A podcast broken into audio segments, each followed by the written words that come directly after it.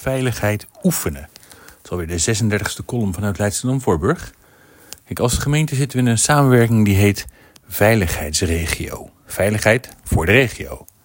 Dat is dan niet de politie, want die valt onder politie-eenheid Haaglanden voor ons. En die regio loopt dan weer van Noordwijk tot Naaldwijk en van Schoonhoven tot Nieuwkoop.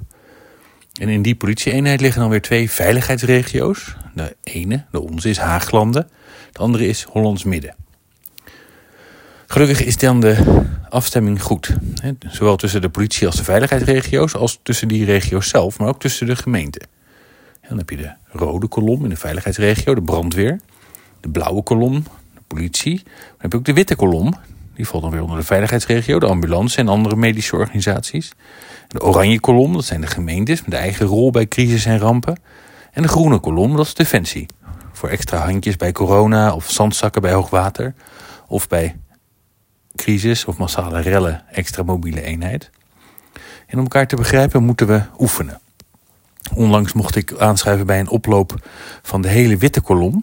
Daar is dan de burgemeester van Pijnack en Noodorp de bestuurlijk trekker van. De witte kolom van ambulance tot ziekenhuizen, intensive care en verpleeghuizen, noem het allemaal maar op. Huisartsen. Ik ben dan portefeuillehouder van informatievoorziening en meldkamer. Maar binnenkort schrijf ik aan bij het oefenen van een waterramp.